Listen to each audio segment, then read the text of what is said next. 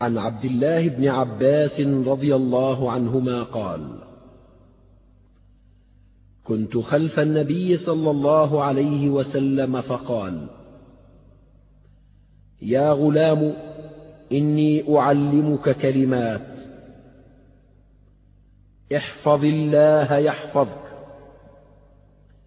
احفظ الله تجده تجاهك إذا سألت فاسأل الله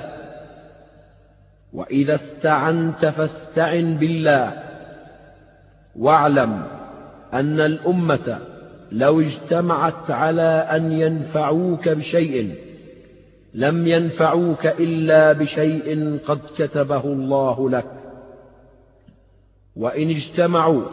على أن يضروك بشيء لم يضروك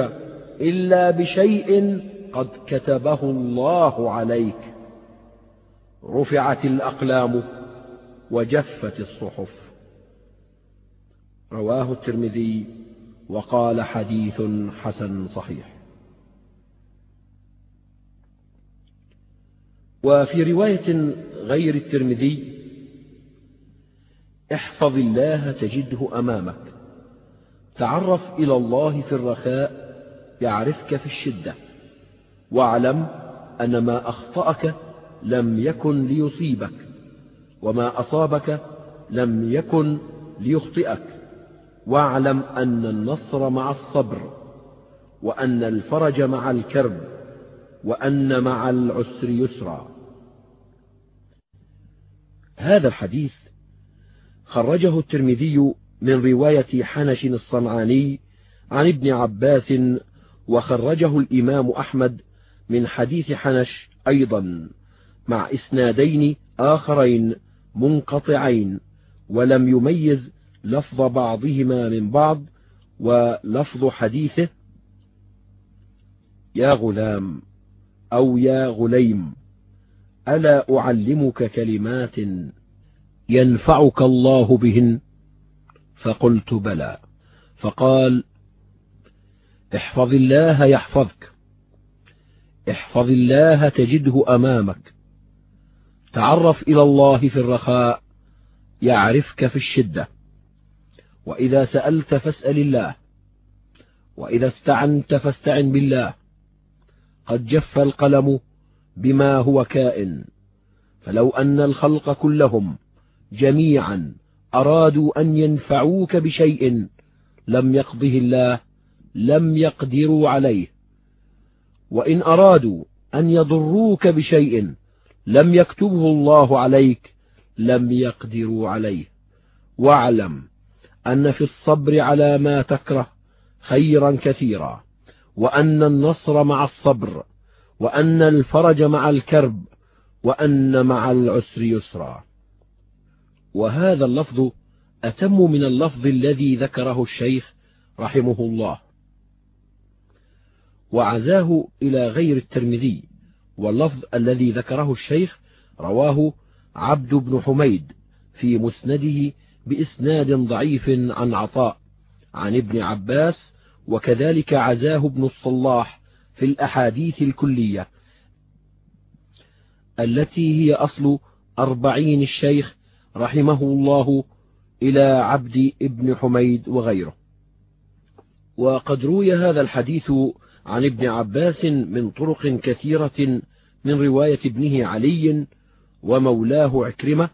وعطاء بن أبي رباح وعمرو بن دينار وعبيد الله بن عبد الله وعمر مولى غفرة وابن أبي مليكة وغيرهم وأصح الطرق كلها طريق حنش الصنعاني التي خرجها الترمذي كذا قاله ابن منده وغيره وقد روي عن النبي صلى الله عليه وسلم أنه وصى ابن عباس بهذه الوصية من حديث علي بن أبي طالب وأبي سعيد الخدري وسهل بن سعد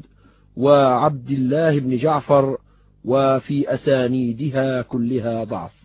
وذكر العقيلي أن أسانيد الحديث كلها لينة وبعضها أصلح من بعض وبكل حال فطريق حنش التي خرجها الترمذي حسنة جيدة وهذا الحديث يتضمن وصايا عظيمة وقواعد كلية من أهم أمور الدين حتى قال بعض العلماء تدبرت هذا الحديث فأدهشني وكدت أطيش فوا أسفي من الجهل بهذا الحديث وقلة التفهم لمعناه قلت وقد أفردت لشرحه جزءا كبيرا ونحن نذكر ها هنا مقاصده على وجه الاختصار إن شاء الله تعالى فقوله صلى الله عليه وسلم احفظ الله يعني احفظ حدوده وحقوقه وأوامره ونواهيه وحفظ ذلك هو الوقوف عند أوامره بالامتثال وعند نواهيه بالاجتناب وعند حدوده فلا يتجاوز ما أمر به وأذن فيه إلى ما نهي عنه فمن فعل ذلك فهو من الحافظين لحدود الله الذين مدحهم الله في كتابه وقال عز وجل هذا ما توعدون لكل أواب حفيظ من خشي الرحمن بالغيب وجاء بقلب منيب وفسر الحفيظ ها هنا بالحافظ لأوامر الله وبالحافظ لذنوبه ليتوب منها ومن أعظم ما يجب حفظه من أوامر الله الصلاة وقد أمر الله بالمحافظة عليها فقال حافظوا على الصلوات والصلاة الوسطى ومدح المحافظين عليها بقوله والذين هم على صلاتهم يحافظون وقال النبي صلى الله عليه وسلم من حافظ عليها كان له عند الله عهد أن يدخله الجنة وفي حديث آخر من حافظ عليهن كن له نورا وبرهانا ونجاة يوم القيامة وكذلك الطهارة فإنها مفتاح الصلاة وقال النبي صلى الله عليه وسلم لا يحافظ على الوضوء إلا مؤمن ومما يؤمر بحفظه الإيمان قال الله عز وجل واحفظوا أيمانكم فإن الأيمان يقع الناس فيها كثيرا ويهمل كثير منهم ما يجب بها فلا يحفظه ولا يلتزمه ومن ذلك حفظ الرأس والبطن كما في حديث ابن مسعود المرفوع الاستحياء من الله حق الحياء أن تحفظ الرأس وما وعى وتحفظ البطن وما حوى خرجه الإمام أحمد والترمذي وحفظ الرأس وما وعى يدخل فيه حفظ السمع والبصر واللسان من المحرمات وحفظ البطن وما حوى يتضمن حفظ القلب عن الإصرار على محرم قال الله عز وجل واعلموا أن الله يعلم ما في أنفسكم فاحذروه وقد جمع الله ذلك كله في قوله إن السمع والبصر والفؤاد كل أولئك كان عنه مسؤولا ويتضمن أيضا حفظ البطن من إدخال الحرام إليه من المآكل والمشارب ومن أعظم ما يجب حفظه من نواهي الله عز وجل اللسان والفرج وفي حديث أبي هريرة عن النبي صلى الله عليه وسلم قال من حفظ ما بين لحييه وما بين رجليه دخل الجنة خرجه الحاكم وخرج الإمام أحمد من حديث أبي موسى عن النبي صلى الله عليه وسلم قال من حفظ ما بين فقميه وفرجه دخل الجنة وأمر الله عز وجل بحفظ الفروج ومدح الحافظين لها فقال قل للمؤمنين يغضوا من أبصارهم ويحفظوا فروجهم وقال والحافظين فروجهم والحافظات والذاكرين الله كثيرا والذاكرات أعد الله لهم مغفرة وأجرا عظيما وقال قد أفلح المؤمنون الذين هم في صلاتهم خاشعون إلى قوله والذين هم لفروجهم حافظون إلا إلا على أزواجهم أزواجهم أو ما ملكت أيمانهم فإنهم غير ملومين وقال أبو إدريس الخولاني أول ما وصى الله به آدم عند إهباطه إلى الأرض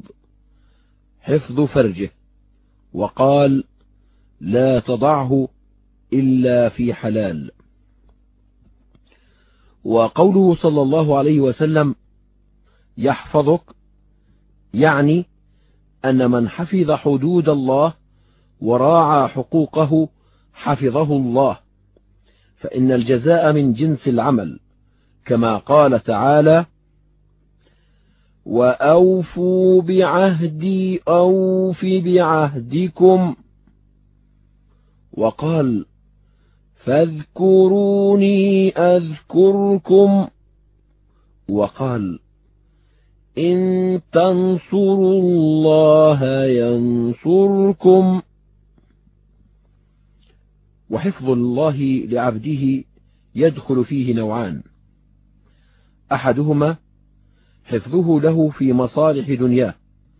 كحفظه في بدنه وولده وأهله وماله قال الله عز وجل له معقبات من بين يديه ومن خلفه يحفظونه من أمر الله قال ابن عباس هم الملائكة يحفظونه بأمر الله فإذا جاء القدر خلوا عنه وقال علي رضي الله عنه إن مع كل رجل ملكين يحفظانه مما لم يقدر فإذا جاء القدر خليا بينه وبينه وإن الأجل جنة حصينة وقال مجاهد ما من عبد إلا له ملك يحفظه في نومه ويقظته من الجن والإنس والهوام فما من شيء يأتيه إلا قال وراءك إلا شيئا أذن الله فيه فيصيبه وخرج الإمام أحمد وأبو داود والنسائي من حديث ابن عمر قال لم يكن رسول الله صلى الله عليه وسلم يدع هؤلاء الدعوات حين يمسي وحين يصبح اللهم إني أسألك العافية في الدنيا والآخرة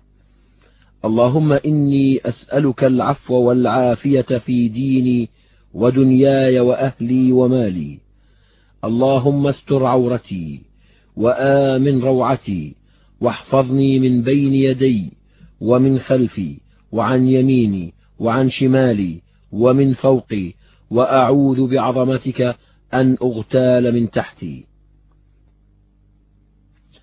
ومن حفظ الله في صباه وقوته حفظه الله في حال كبره وضعف قوته ومتعه بسمعه وبصره وحوله وقوته وعقله كان بعض العلماء قد جاوز المئة سنة وهو ممتع بقوته وعقله فوثب يوما وثبة شديدة فعوتب في ذلك فقال هذه جوارح حفظناها عن المعاصي في الصغر فحفظها الله علينا في الكبر وعكس هذا أن بعض السلف رأى شيخا يسأل الناس فقال إن هذا ضيع الله في صغره فضيعه الله في كبره وقد يحفظ الله العبد بصلاحه بعد موته في ذريته كما قيل في قوله تعالى وكان أبوهما صالحا إنهما حفظا بصلاح أبيهما قال سعيد بن المسيب لابنه لازيدن في صلاتي من أجلك رجاء أن أحفظ فيك ثم تلا هذه الآية وكان أبوهما صالحا وقال عمر بن عبد العزيز ما من مؤمن يموت إلا حفظه الله في عقبه وعقب عقبه وقال ابن المنكدر إن الله لا يحفظ بالرجل الصالح ولده وولد ولده والدويرات التي حوله فما يزالون في حفظ من الله وستر ومتى كان العبد مشتغلا بطاعة الله فإن الله يحفظه في تلك الحال وفي مسند الإمام أحمد عن النبي صلى الله عليه وسلم قال كانت امرأة في بيت فخرجت في سرية من المسلمين وتركت ثنتي عشرة عنزا وصيصيتها كانت تنسج بها قال ففقدت عنزا لها وصيصيتها فقالت يا ربي إنك قد ضمنت لمن خرج في سبيلك أن تحفظ عليه وإني قد فقدت عنزا من غنمي وصيصيتي وإني أنشدك عنزي وصيصيتي قال وجعل رسول الله صلى الله عليه وسلم يذكر شدة مناشدتها ربها تبارك وتعالى قال رسول الله صلى الله عليه وسلم فأصبحت عنزها ومثلها وصيصيتها ومثلها والصيصية هي الصنارة التي يغزل بها وينسج فمن حفظ الله حفظه الله من كل أذى قال بعض السلف من اتقى الله فقد حفظ نفسه ومن ضيع تقواه فقد ضيع نفسه والله الغني عنه ومن عجيب حفظ الله لمن حفظه أن يجعل الحيوانات المؤذية بالطبع حافظة له من الأذى كما جرى لسفينة مولى النبي صلى الله عليه وسلم حيث كسر به المركب وخرج إلى جزيرة فرأى الأسد فجعل يمشي معه حتى دله على الطريق فلما أوقفه عليها جعل يهمهم كأنه يودعه ثم رجع عنه ورؤيا إبراهيم ابن أدهم نائما في بستان وعنده حية في فمها طاقة نرجس فما زالت تذب عنه حتى استيقظ وعكس هذا أن من ضيع الله ضيعه الله فضاع بين خلقه حتى يدخل عليه الضرر والأذى ممن كان يرجو نفعه من أهله وغيرهم كما قال بعض السلف إني لأعصي الله فأعرف ذلك في خلق خادمي ودابتي النوع الثاني من الحفظ وهو أشرف النوعين حفظ الله للعبد في دينه وإيمانه فيحفظه في حياته من الشبهات المضلة ومن الشهوات المحرمة ويحفظ عليه دينه عند موته فيتوفاه على الإيمان قال بعض السلف إذا حضر الرجل الموت يقال للملك شم رأسه قال أجد في رأسه القرآن قال شم قلبه قال أجد في قلبه الصيام قال شم قدميه قال أجد في قدميه القيام قال حفظ نفسه فحفظه الله وفي الصحيحين عن البراء بن عازب عن النبي صلى الله عليه وسلم أنه أمره أن يقول عند منامه إن قبضت نفسي فارحمها وإن أرسلتها فاحفظها بما تحفظ به عبادك الصالحين وفي حديث عمر أن النبي صلى الله عليه وسلم علمه أن يقول اللهم احفظني بالإسلام قائما واحفظني بالإسلام قاعدا واحفظني بالإسلام راقدا ولا تطع في عدوا ولا حاسدا خرجه ابن حبان في صحيحه وكان النبي صلى الله عليه وسلم يودع من أراد سفرا فيقول أستودع الله دينك وأمانتك وخواتيم عملك وكان يقول إن الله إذا استودع شيئا حفظه خرجه النسائي وغيره وفي الجملة فالله عز وجل يحفظ على المؤمن الحافظ لحدوده دينه ويحول بينه وبين ما يفسد عليه دينه بأنواع من الحفظ وقد لا يشعر العبد ببعضها وقد يكون كارها له كما قال في حق يوسف عليه السلام كذلك لنصرف عنه السوء والفحشاء إنه من عبادنا المخلصين قال ابن عباس في قوله تعالى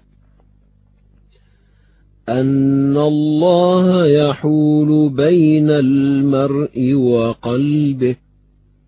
قال يحول بين المؤمن وبين المعصية التي تجره إلى النار وقال الحسن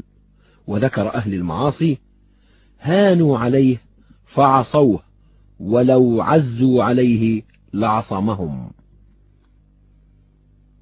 وقال ابن مسعود إن العبد ليهم بالأمر من التجارة والإمارة حتى ييسر له فينظر الله إليه فيقول للملائكة اصرفوه عنه فإني إن يسرته له أدخلته النار فيصرفه الله عنه فيظل يتطير يقول سبقني فلان دهاني فلان وما هو إلا فضل الله عز وجل وخرجه الطبراني من حديث أنس عن النبي صلى الله عليه وسلم يقول الله عز وجل إن من عبادي من لا يصلح إيمانه إلا الفقر وإن بسطت عليه أفسده ذلك وإن من عبادي من لا يصلح إيمانه إلا الغنى ولو أفقرته لأفسده ذلك وإن من عبادي من لا يصلح إيمانه إلا الصحة ولو أسقمته لأفسده ذلك وإن من عبادي من لا يصلح إيمانه إلا السقم ولو أصححته لأفسده ذلك وإن من عبادي من يطلب بابا من العبادة فأكفه عنه لكي لا يدخله العجب إني أدبر عبادي بعلمي بما في قلوبهم إني عليم خبير وقوله صلى الله عليه وسلم احفظ الله تجده تجاهك وفي رواية أمامك معناه أن من حفظ حدود الله وراعى حقوقه وجد الله معه في كل أحواله حيث توجه يحوطه وينصره ويحفظه ويوفقه ويسدده ف إن الله مع الذين اتقوا والذين هم محسنون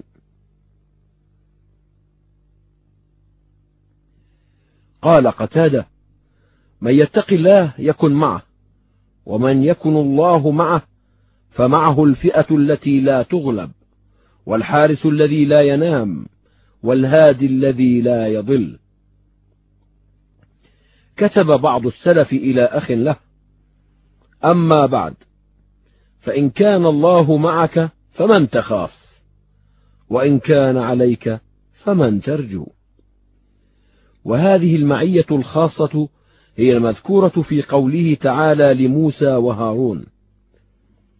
لا تخافا إنني معكما أسمع وأرى وقول موسى إن معي ربي سيهدين وفي قول النبي صلى الله عليه وسلم لأبي بكر وهما في الغار ما ظنك باثنين الله ثالثهما لا تحزن إن الله معنا فهذه المعية الخاصة تقتضي النصر والتأييد والحفظ والإعانة بخلاف المعية العامة المذكورة في قوله تعالى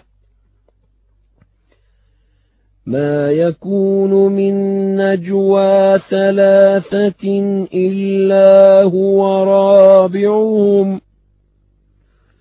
ولا خمسة إلا هو سادسهم ولا أدنى من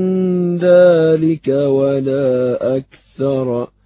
إلا هو معهم أينما كانوا وقوله ولا يستخفون من الله وهو معهم إذ يبيتون ما لا يرضى من القول فإن هذه المعية تقتضي علمه واطلاعه ومراقبته لأعمالهم فهي مقتضية لتخويف العباد منه والمعية الأولى تقتضي حفظ العبد وحياطته ونصره فمن حفظ الله وراعى حقوقه وجده أمامه وتجاهه على كل حال فاستأنس به واستغنى به عن خلقه كما في حديث أفضل الإيمان أن يعلم العبد أن الله معه حيث كان وقد سبق وروي عن بنان الحمال أنه دخل البرية وحده على طريق تبوك فاستوحش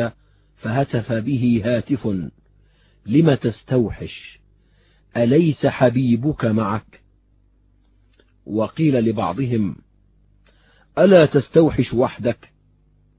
فقال كيف أستوحش وهو يقول أنا جليس من ذكرني وقيل لآخر نراك وحدك فقال من يكن الله معه كيف يكون وحده وقيل لآخر أما معك مؤنس قال بلى قيل له أين هو قال أمامي ومعي وخلفي وعن يميني وعن شمالي وفوقي وكان الشبلي ينشد إذا نحن أدلجنا وأنت أمامنا كفى لمطايانا بذكراك هاديا قوله صلى الله عليه وسلم تعرف إلى الله في الرخاء يعرفك في الشدة يعني أن العبد إذا اتقى الله وحفظ حدوده وراعى حقوقه في حال رخائه فقد تعرف بذلك إلى الله وصار بينه وبين ربه معرفة خاصة فعرفه ربه في الشدة ورعى له تعرفه إليه في الرخاء فنجاه من الشدائد بهذه المعرفة وهذه معرفة خاصة تقتضي قرب العبد من ربه ومحبته له وإجابته لدعائه فمعرفة العبد لربه نوعان أحدهما المعرفة العامة وهي معرفة الإقرار به والتصديق والإيمان وهذه عامة للمؤمنين والثاني معرفة خاصة تقتضي ميل القلب إلى الله بالكلية والانقطاع إليه والأنس به والطمأنينة بذكره والحياء منه والهيبة له وهذه المعرفة الخاصة هي التي يدور حولها العارفون كما قال بعضهم مساكين أهل الدنيا خرجوا منها وما ذاقوا أطيب ما فيها قيل له وما هو قال معرفة الله عز وجل وقال أحمد بن عاصم الأنطاكي أحب أن لا أموت حتى أعرف مولاي وليس معرفته الإقرار به ولكن المعرفة التي إذا عرفته استحييت منه ومعرفة الله أيضا لعبده نوعان معرفة عامة وهي علمه سبحانه بعباده واطلاعه على ما أسروه وما أعلنوه كما قال ولقد خلقنا الإنسان ونعلم ما توسوس به نفسه وقال هو أعلم بكم إذ أنشأكم من الأرض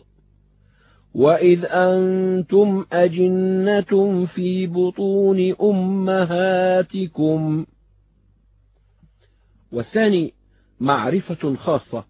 وهي تقتضي محبته لعبده وتقريبه إليه وإجابة دعائه وإن جاءه من الشدائد وهي المشار إليها بقوله صلى الله عليه وسلم فيما يحكى عن ربه ولا يزال عبدي يتقرب إلي بالنوافل حتى أحبه فإذا أحببته كنت سمعه الذي يسمع به وبصره الذي يبصر به ويده التي يبطش بها ورجله التي يمشي بها فلئن سألني لأعطينه ولئن استعاذني لأعيذنه وفي رواية ولئن دعاني لأجيبنه ولما هرب الحسن من الحجاج دخل إلى بيت حبيب أبي محمد فقال له حبيب يا أبا سعيد أليس بينك وبين ربك ما تدعوه فيسترك من هؤلاء ادخل البيت فدخل ودخل الشرط على أثره فلم يروه فذكر ذلك للحجاج فقال بل كان في البيت إلا أن الله طمس أعينهم فلم يروه واجتمع الفضيل بن عياض بشعوانة العابدة فسألها الدعاء فقالت يا فضيل وما بينك وبينه ما إن دعوته أجابك فغشي على الفضيل وقيل لمعروف ما الذي هيجك إلى الانقطاع والعبادة وذكر له الموت والبرزخ والجنة والنار فقال معروف إن ملكا هذا كله بيده إن كانت بينك وبينه معرفة كفاك جميع هذا وفي الجملة فمن عامل الله بالتقوى والطاعة في حال رخائه عامله الله باللطف والإعانة في حال شدته وخرج الترمذي من حديث أبي هريرة عن النبي صلى الله عليه وسلم قال من سره أن يستجيب الله له عند الشدائد فليكثر الدعاء في الرخاء وخرج ابن أبي حاتم وغيره من رواية يزيد الرقاشي عن أنس يرفعه أن يونس عليه السلام لما دعا في بطن الحوت قالت الملائكة يا ربي هذا صوت معروف من بلاد غريبة فقال الله عز وجل أما تعرفون ذلك قالوا ومن هو قال عبدي يونس قالوا عبدك يونس الذي لم يزل يرفع له عمل متقبل ودعوة مستجابة قال نعم قالوا يا رب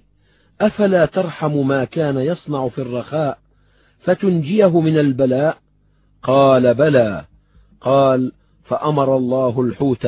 فطرحه بالعراء وقال الضحاك بن قيس اذكروا الله في الرخاء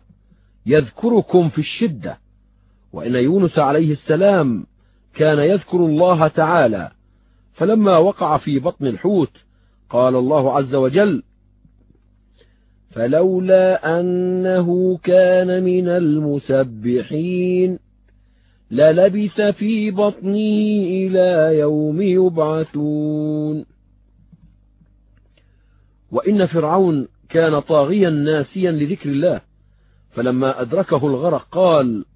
آمنت فقال الله تعالى الآن وقد عصيت قبل وكنت من المفسدين وقال سلمان الفارسي إذا كان الرجل دعاء في السراء فنزلت به ضراء فدعا الله تعالى قالت الملائكة صوت معروف فشفعوا له وإذا كان ليس بدعاء في السراء فنزلت به ضراء فدعا الله تعالى قالت الملائكة صوت ليس بمعروف فلا يشفعون له وقال رجل لأبي الدرداء أوصني فقال اذكر الله في السراء يذكرك الله عز وجل في الضراء وعنه أنه قال ادع الله في يوم سرائك لعله أن يستجيب لك في يوم ضرائك وأعظم الشدائد التي تنزل بالعبد في الدنيا الموت وما بعده أشد منه إن لم يكن مصير العبد إلى خير فالواجب على المؤمن الاستعداد للموت وما بعده في حال الصحة بالتقوى والأعمال الصالحة قال الله عز وجل يا أيها الذين آمنوا اتقوا الله ولتنظر نفس ما قدمت لغد واتقوا الله إن الله خبير بما تعملون ولا تكونوا كالذين نسوا الله فأنساهم أنفسهم أولئك هم الفاسقون فمن ذكر الله في حال صحته ورخائه واستعد حينئذ للقاء الله بالموت وما بعده ذكره الله عند هذه الشدائد فكان معه فيها ولطف به وأعانه وتولاه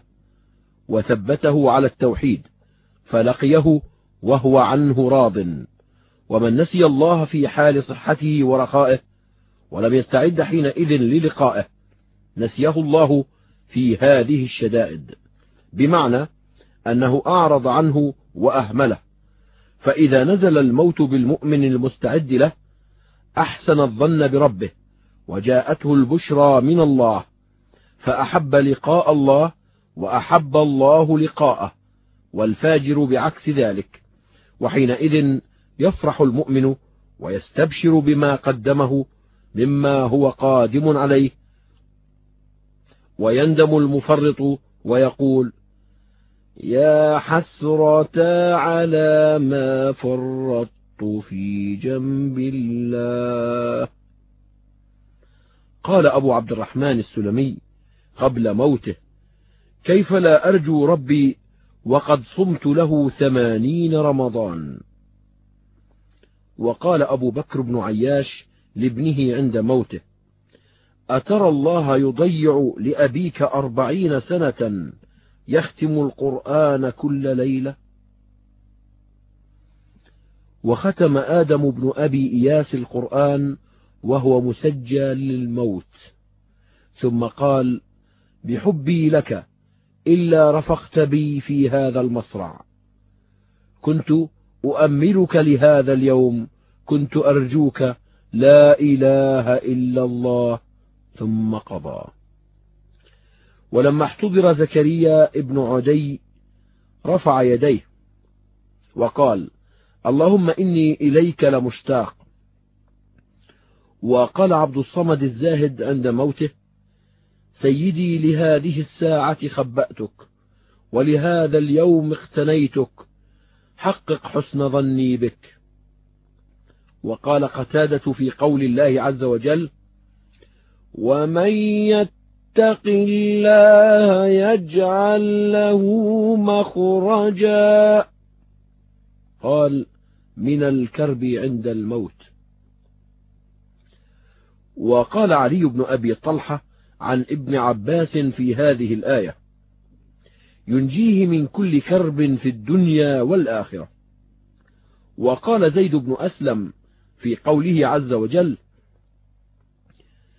إن الذين قالوا ربنا الله ثم استقاموا تتنزل عليهم الملائكة ألا تخافوا ولا تحزنوا الآية قال يبشر بذلك عند موته وفي قبره ويوم يبعث فإنه لفي الجنة وما ذهبت فرحة البشارة من قلبه وقال ثابت البناني في هذه الآية بلغنا أن المؤمن حيث يبعثه الله من قبره يتلقاه ملكاه اللذان كانا معه في الدنيا فيقولان له لا تخف ولا تحزن فيؤمن الله خوفه ويقر الله عينه فما من عظيمة تغشى الناس يوم القيامة إلا هي للمؤمن قرة عين لما هداه الله ولما كان يعمل في الدنيا وقوله صلى الله عليه وسلم إذا سألت فاسأل الله وإذا استعنت فاستعن بالله هذا منتزع من قوله تعالى إياك نعبد وإياك نستعين فإن السؤال لله هو دعاؤه والرغبة إليه والدعاء هو العبادة كذا روي عن النبي صلى الله عليه وسلم من حديث النعمان بن بشير وتلا قوله تعالى وقال ربكم ادعوني أستجب لكم خرجه الإمام أحمد وأبو داود والترمذي والنسائي وابن ماجه وخرج الترمذي من حديث أنس بن مالك عن النبي صلى الله عليه وسلم الدعاء مخ العبادة فتضمن هذا الكلام أن يسأل الله عز وجل ولا يسأل غيره وأن يستعان بالله دون غيره فأما السؤال فقد أمر الله بمسألته فقال واسألوا الله من فضله وفي الترمذي عن ابن مسعود مرفوعا سلوا الله من فضله فإن الله يحب أن يسأل وفيه أيضا عن أبي هريرة مرفوعا من لا يسأل الله يغضب عليه وفي حديث آخر يسأل أحدكم ربه حاجته كلها حتى يسأله شسع نعله إذا انقطع وفي النهي عن مسألة المخلوقين أحاديث كثيرة صحيحة وقد بايع النبي صلى الله عليه وسلم جماعة من أصحابه على أن لا يسألوا الناس شيئا منهم أبو بكر الصديق وأبو ذر وثوبان وكان أحدهم يسقط صوته أو خطام ناقته فلا يسأل أحدا أن يناوله إياه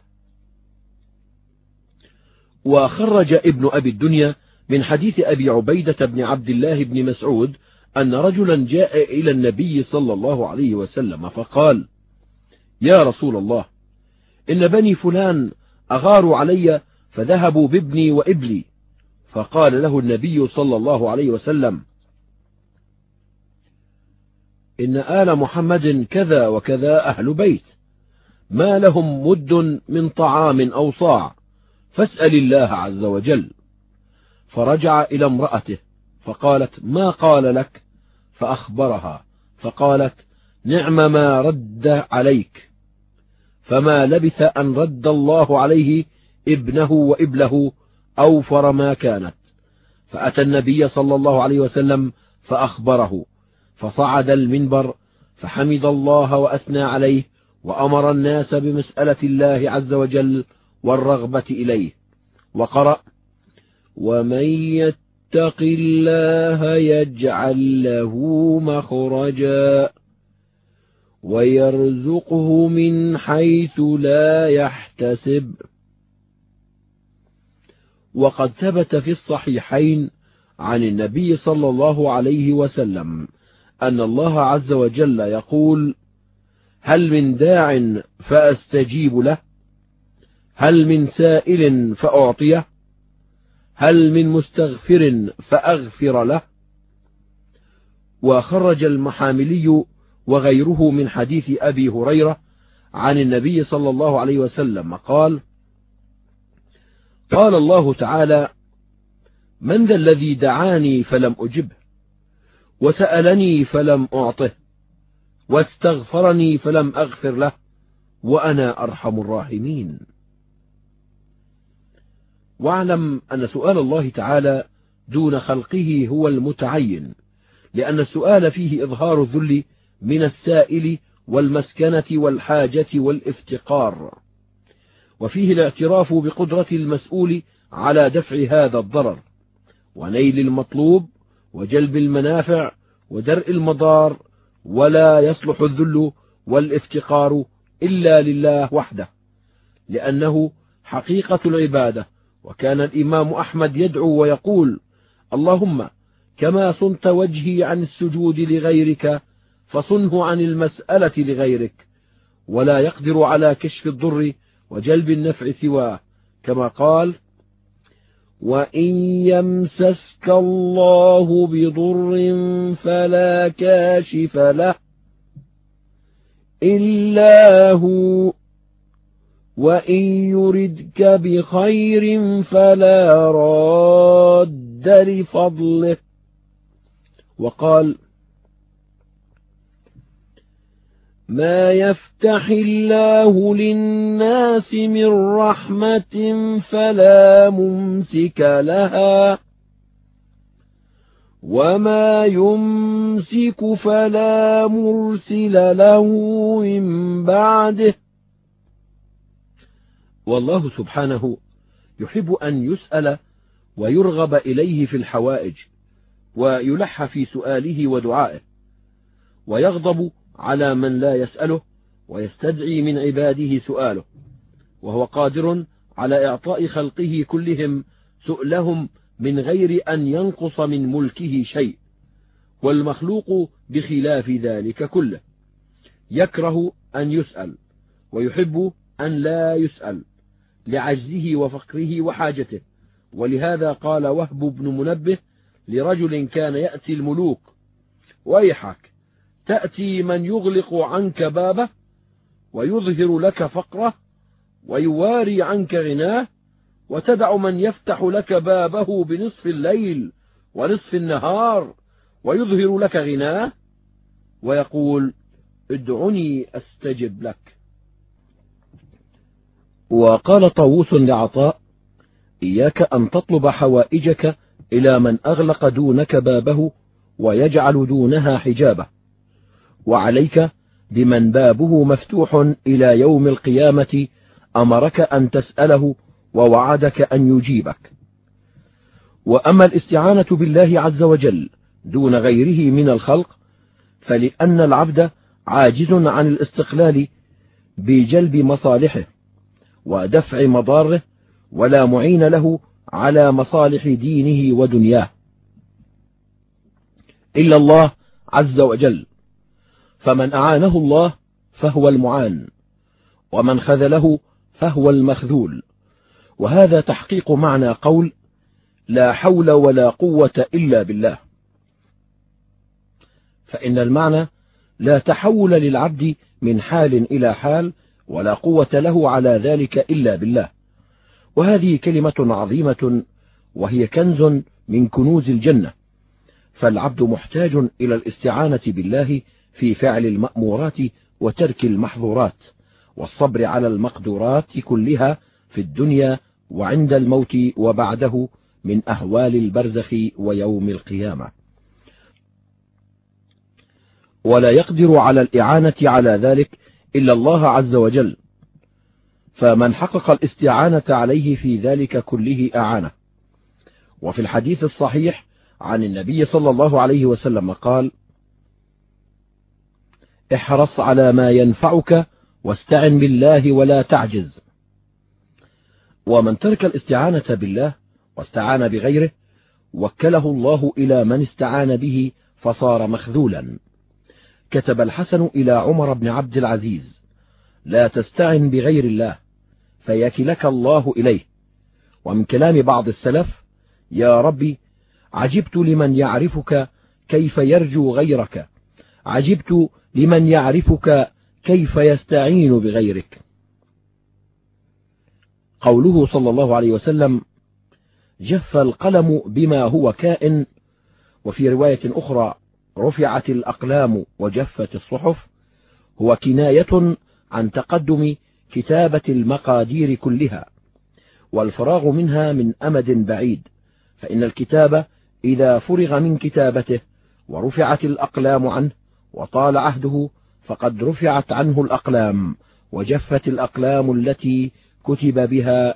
من مدادها وجفت الصحيفة التي كتب فيها بالمداد المكتوب به فيها وهذا من أحسن الكنايات وأبلغها وقد دل الكتاب والسنن الصحيحة الكثيرة على مثل هذا المعنى قال الله تعالى ما أصاب من مصيبة في الأرض ولا في أنفسكم إلا في كتاب من قبل أن نبرأها إن ذلك على الله يسير وفي صحيح مسلم عن عبد الله بن عمرو عن النبي صلى الله عليه وسلم قال إن الله كتب مقادير الخلائق قبل أن يخلق السماوات والأرض بخمسين ألف سنة وفيه أيضا عن جابر أن رجلا قال يا رسول الله فيما العمل اليوم أفيما جفت به الأقلام وجرت به المقادير أم فيما يستقبل قال لا بل فيما جفت به الأقلام وجرت به المقادير قال ففيما العمل قال اعملوا فكل ميسر لما خلق له وخرج الإمام أحمد وأبو داود والترمذي من حديث عبادة بن الصامت عن النبي صلى الله عليه وسلم قال إن أول ما خلق الله القلم ثم قال اكتب فجرى في تلك الساعة بما هو كائن إلى يوم القيامة والأحاديث في هذا المعنى كثيرة جدا يطول ذكرها قوله صلى الله عليه وسلم فلو أن الخلق جميعا أرادوا أن ينفعوك بشيء لم يقضه الله لم يقدروا عليه وإن أرادوا أن يضروك بشيء لم يكتبه الله عليك لم يقدروا عليه هذه رواية الإمام أحمد ورواية الترمذي بهذا المعنى أيضا والمراد أن ما يصيب العبد في دنياه مما يضره أو ينفعه فكله مقدر عليه ولا يصيب العبد إلا ما كتب له من ذلك في الكتاب السابق ولو اجتهد على ذلك الخلق كلهم جميعا وقد دل القرآن على مثل هذا في قوله عز وجل قل لن يصيبنا إلا ما كتب الله لنا وقوله ما أصاب من مصيبة في الأرض ولا في أنفسكم إلا في كتاب من قبل أن نبرأها وقوله قل لو كنتم في بيوتكم لبرز الذين كتب عليهم القتل إلى مضاجعهم وخرج الإمام أحمد من حديث أبي الدرداء عن النبي صلى الله عليه وسلم قال إن لكل شيء حقيقة وما بلغ عبد حقيقة الإيمان حتى يعلم أن ما أصابه لم يكن ليخطئه وأن ما أخطأه لم يكن ليصيبه وخرج أبو ب داود وابن ماجه من حديث زيد بن ثابت عن النبي صلى الله عليه وسلم معنى ذلك أيضا واعلم أن مدار جميع هذه الوصية على هذا الأصل وما ذكر قبله وبعده فهو متفرع عليه وراجع إليه فإن العبد إذا علم أنه لن يصيبه إلا ما كتب الله له من خير وشر ونفع وضر وأن اجتهاد الخلق كلهم على خلاف المقدور غير مفيد البتة علم حينئذ أن الله وحده هو الضار النافع المعطي المانع فأوجب ذلك للعبد توحيد ربه عز وجل وإفراده بالطاعة وحفظ حدوده فإن المعبود إنما يقصد بعبادته جلب المنافع ودفع المضار ولهذا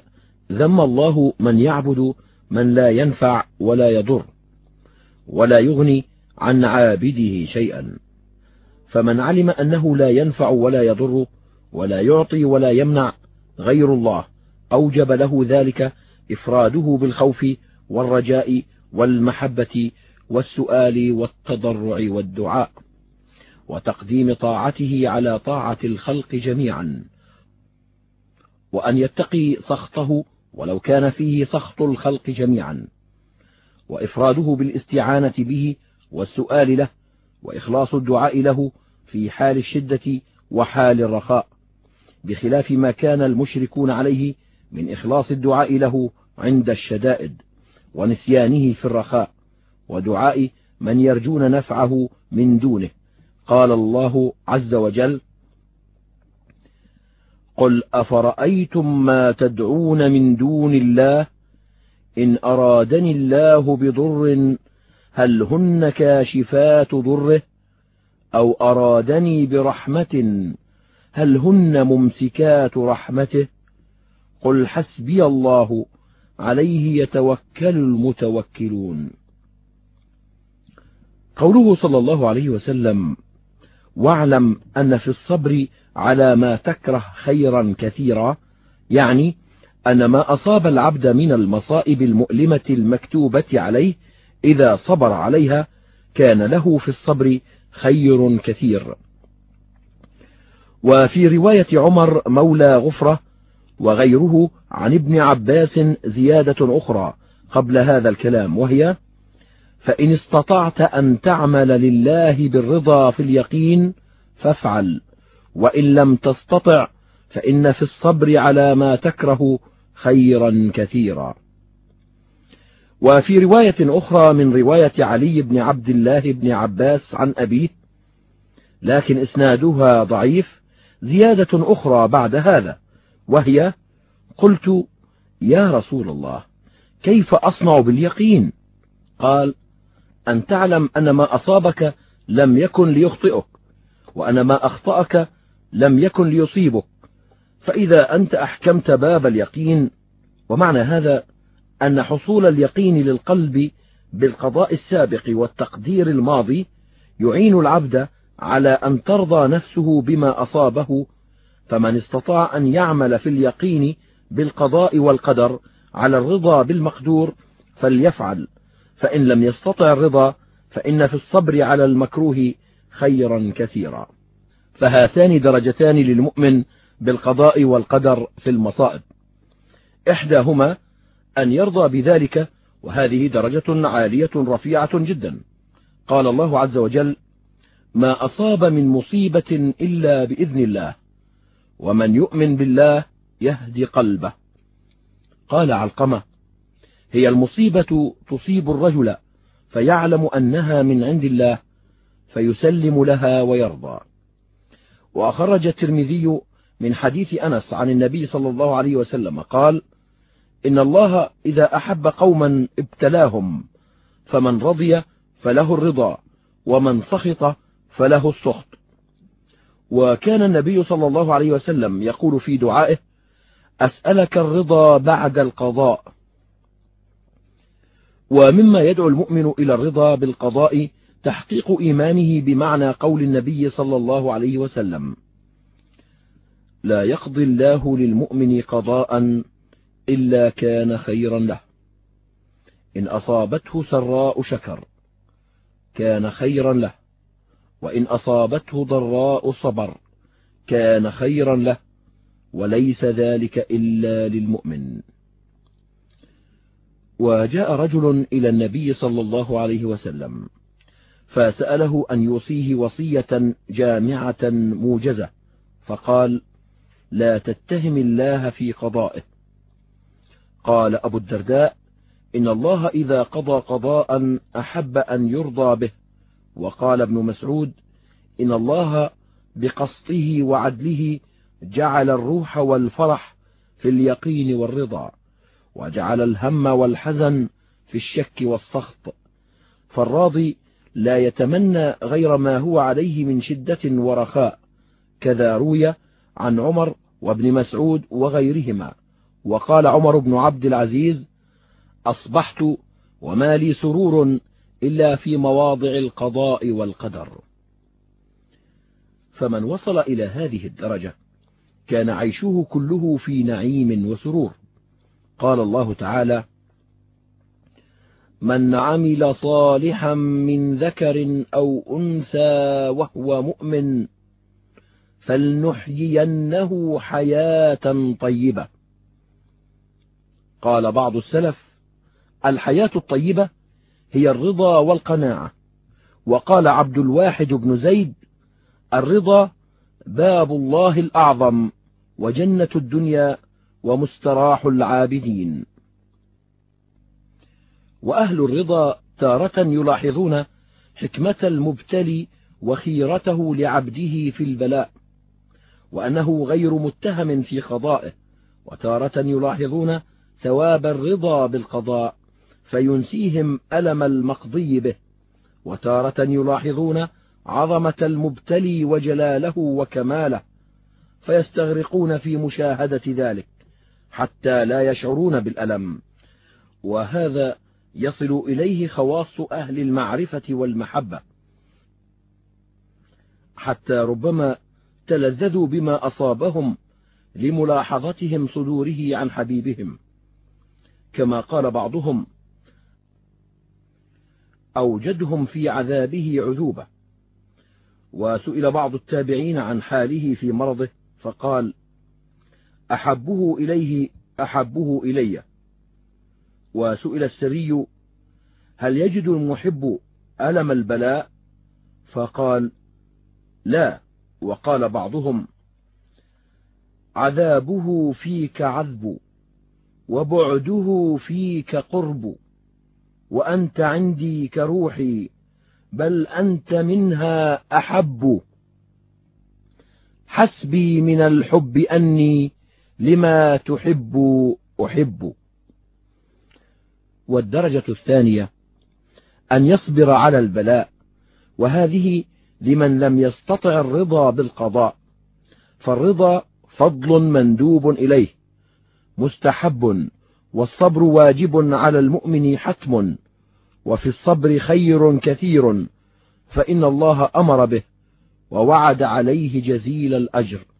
قال الله عز وجل إنما يوفى الصابرون أجرهم بغير حساب وقال وبشر الصابرين الذين إذا أصابتهم مصيبة قالوا إنا لله وإنا إليه راجعون أولئك عليهم صلوات من ربهم ورحمة وأولئك هم المهتدون قال الحسن الرضا عزيز ولكن الصبر معول المؤمن والفرق بين الرضا والصبر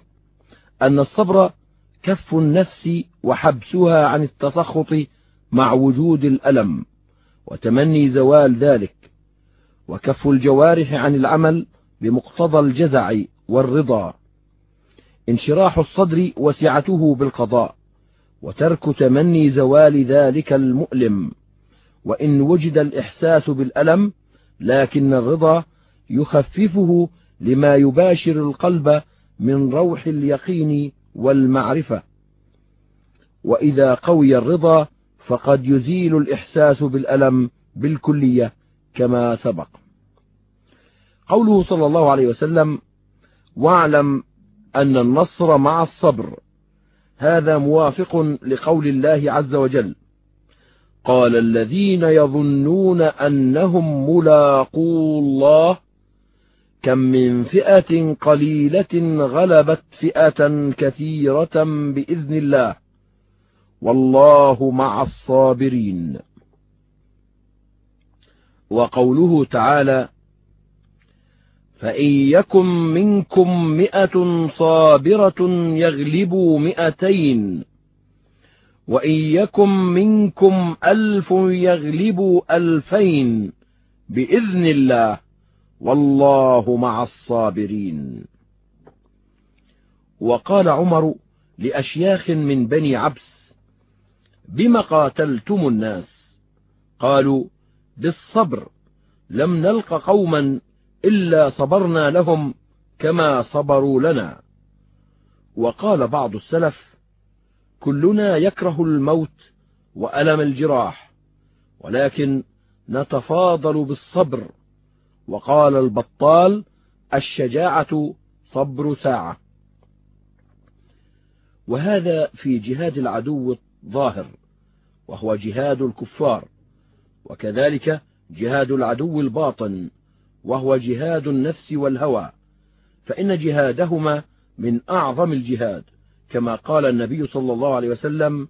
المجاهد من جاهد نفسه في الله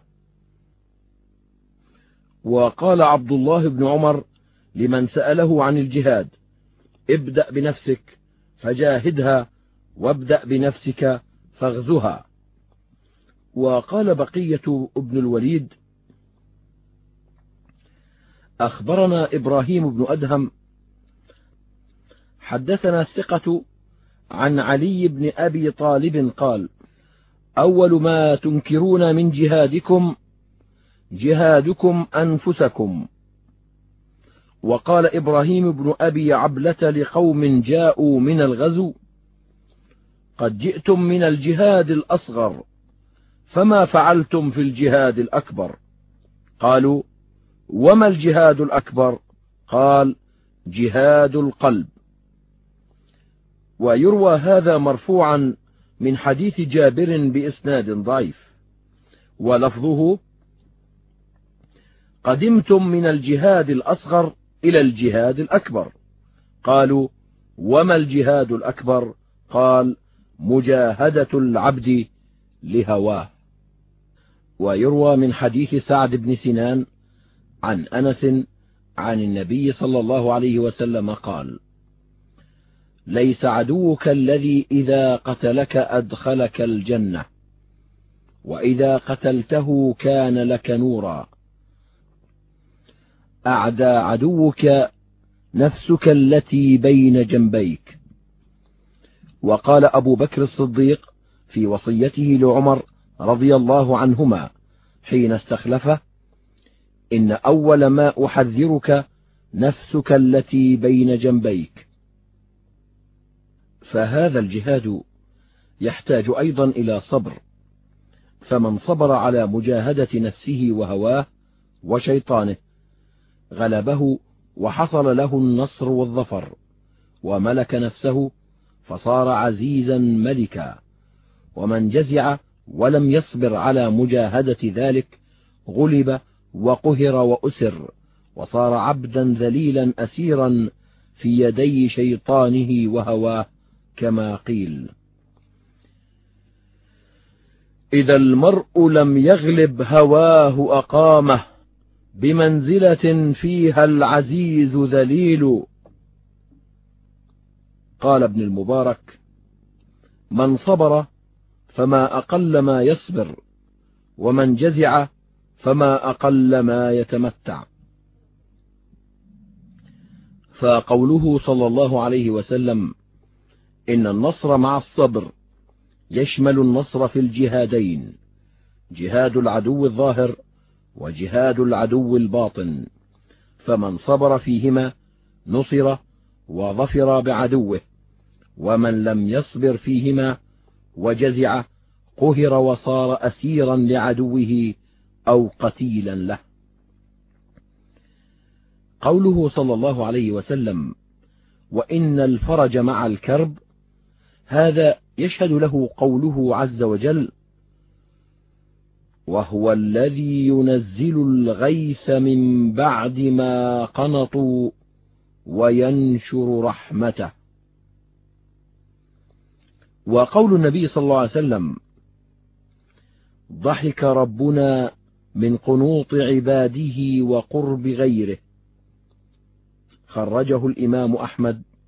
وخرجه ابنه عبد الله في حديث طويل وفيه علم الله يوم الغيث أنه ليشرف عليكم أزلين فيطين فيظل يضحك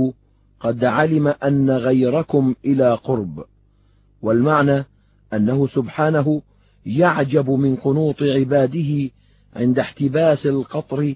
عنهم وقنوطهم ويأسهم من الرحمة وقد اقترب وقت فرجه ورحمته لعباده بإنزال الغيث عليهم وتغييره لحالهم وهم لا يشعرون وقال تعالى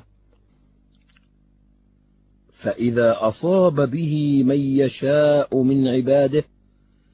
إذا هم يستبشرون وإن كانوا من قبل أن ينزل عليهم من قبله لمبلسين وقال تعالى حتى إذا استيأس الرسل وظنوا أنهم قد كذبوا جاءهم نصرنا وقال حتى يقول الرسول والذين آمنوا معه متى نصر الله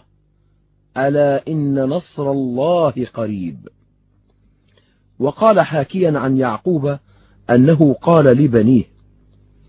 يا بني اذهبوا فتحسسوا من يوسف وأخيه ولا تيأسوا من روح الله ثم قص قصة اجتماعهم عقيب ذلك وكم قص سبحانه من قصص تفريج كربات أنبيائه عند تناهي الكرب كإنجاء نوح ومن معه في الفلك وإنجاء إبراهيم من النار وفدائه لولده الذي أمر بذبحه وإنجاء موسى وقومه من اليم وإغراق عدوهم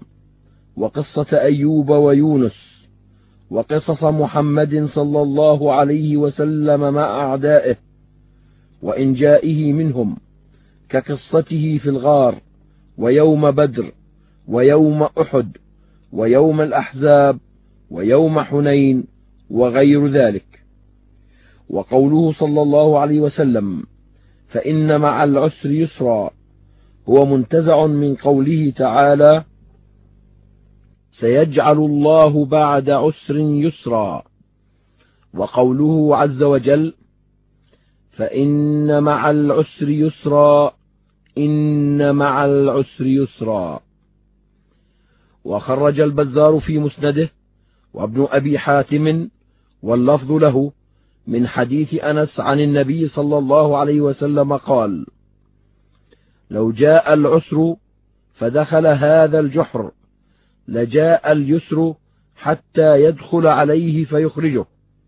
فأنزل الله عز وجل فإن مع العسر يسرا إن مع العسر يسرا وروى ابن جرير وغيره من حديث الحسن مرسلا نحوه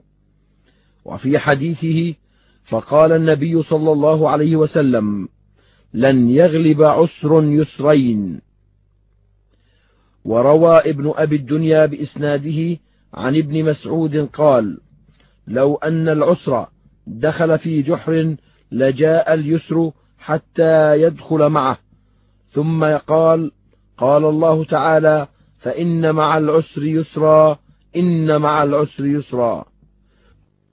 وبإسناده أن أبا عبيدة حصر فكتب إليه عمر يقول مهما ينزل بامرئ شدة يجعل الله بعدها فرجا وإنه لن يغلب عسر يسرين وإنه يقول اصبروا وصابروا ورابطوا واتقوا الله لعلكم تفلحون ومن لطائف أسرار اقتران الفرج بالكرب واليسر بالعسر أن الكرب إذا اشتد وعظم وتناهى حصل للعبد الإياس من كشفه من جهة المخلوقين وتعلق قلبه بالله وحده وهذا هو حقيقة التوكل على الله وهو من أعظم الأسباب التي تطلب بها الحوائج فإن الله يكفي من توكل عليه كما قال تعالى ومن يتوكل على الله فهو حسبه وروى آدم ابن أبي إياس في تفسيره بإسناده عن محمد بن إسحاق قال جاء مالك الأشجعي إلى النبي صلى الله عليه وسلم فقال أسر ابني عوف فقال له أرسل إليه أن رسول الله صلى الله عليه وسلم يأمرك أن تكثر من قول لا حول ولا قوة إلا بالله فأتاه الرسول فأخبره فأكب عوف يقول لا حول ولا قوة إلا بالله وكانوا قد شدوه بالقد فسقط القد عنه فخرج فإذا هو بناقة لهم فركبها فأقبل فإذا هو بسرح القوم الذين كانوا شدوه فصاح بهم فأتبع آخرها أولها فلم يفجأ أبويه إلا وهو ينادي بالباب فقال أبوه عوف ورب الكعبة فقالت أمه وسوأتاه وعوف كئيب يألم ما هو فيه من القد فاستبق الأب والخادم إليه فإذا عوف قد ملأ الفناء إبلا فقص على أبيه أمره وأمر الإبل فأتى أبوه رسول الله صلى الله عليه وسلم فأخبره بخبر عوف وخبر الإبل فقال له رسول الله صلى الله عليه وسلم اصنع بها ما أحببت وما كنت صانعا بإبلك ونزل ومن يتق الله يجعل له مخرجا ويرزقه من حيث لا يحتسب ومن يتوكل على الله فهو حسبه الآية قال الفضيل والله لو يئست من الخلق حتى لا تريد منهم شيئا لأعطاك مولاك كل ما تريد وذكر إبراهيم بن أدهم عن بعضهم قال ما سأل السائلون مسألة هي ألحف من أن يقول العبد ما شاء الله قال يعني بذلك التفويض إلى الله عز وجل وقال سعيد بن سالم القداح بلغني أن موسى عليه السلام كانت له إلى الله حاجة فطلبها فأبطأت عليه فقال ما شاء الله فإذا حاجته بين يديه فعجب فأوحى الله إليه أما علمت أن قولك ما شاء الله أنجح ما طلبت به الحوائج وأيضا فإن المؤمن إذا استبطأ الفرج وأيس منه بعد كثرة دعائه وتضرعه ولم يظهر عليه أثر الإجابة يرجع إلى نفسه باللائمة وقال لها إنما أوتيت من قبلك ولو كان فيك خير لأجبت وهذا اللوم أحب إلى الله من كثير من الطاعات فإنه يوجب انكسار العبد لمولاه واعترافه له بأنه أهل لما نزل به من البلاء وأنه ليس بأهل لإجابة الدعاء فلذلك تسرع إليه حينئذ إجابة الدعاء وتفريج الكرب فإنه تعالى عند المنكسرة قلوبهم من أجله قال وهب تعبد رجل زمانا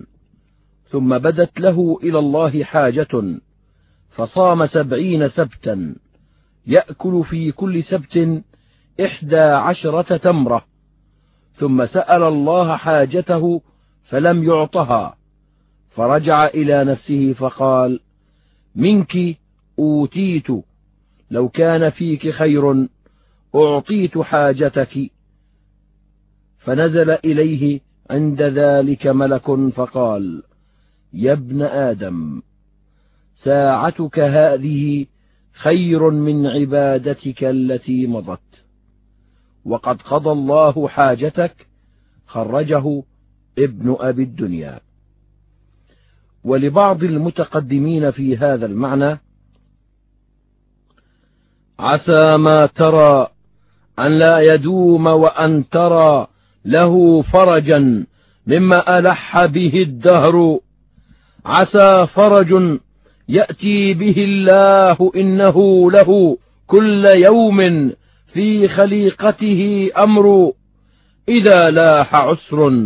فرج يسرا فإنه قضى الله أن العسر يتبعه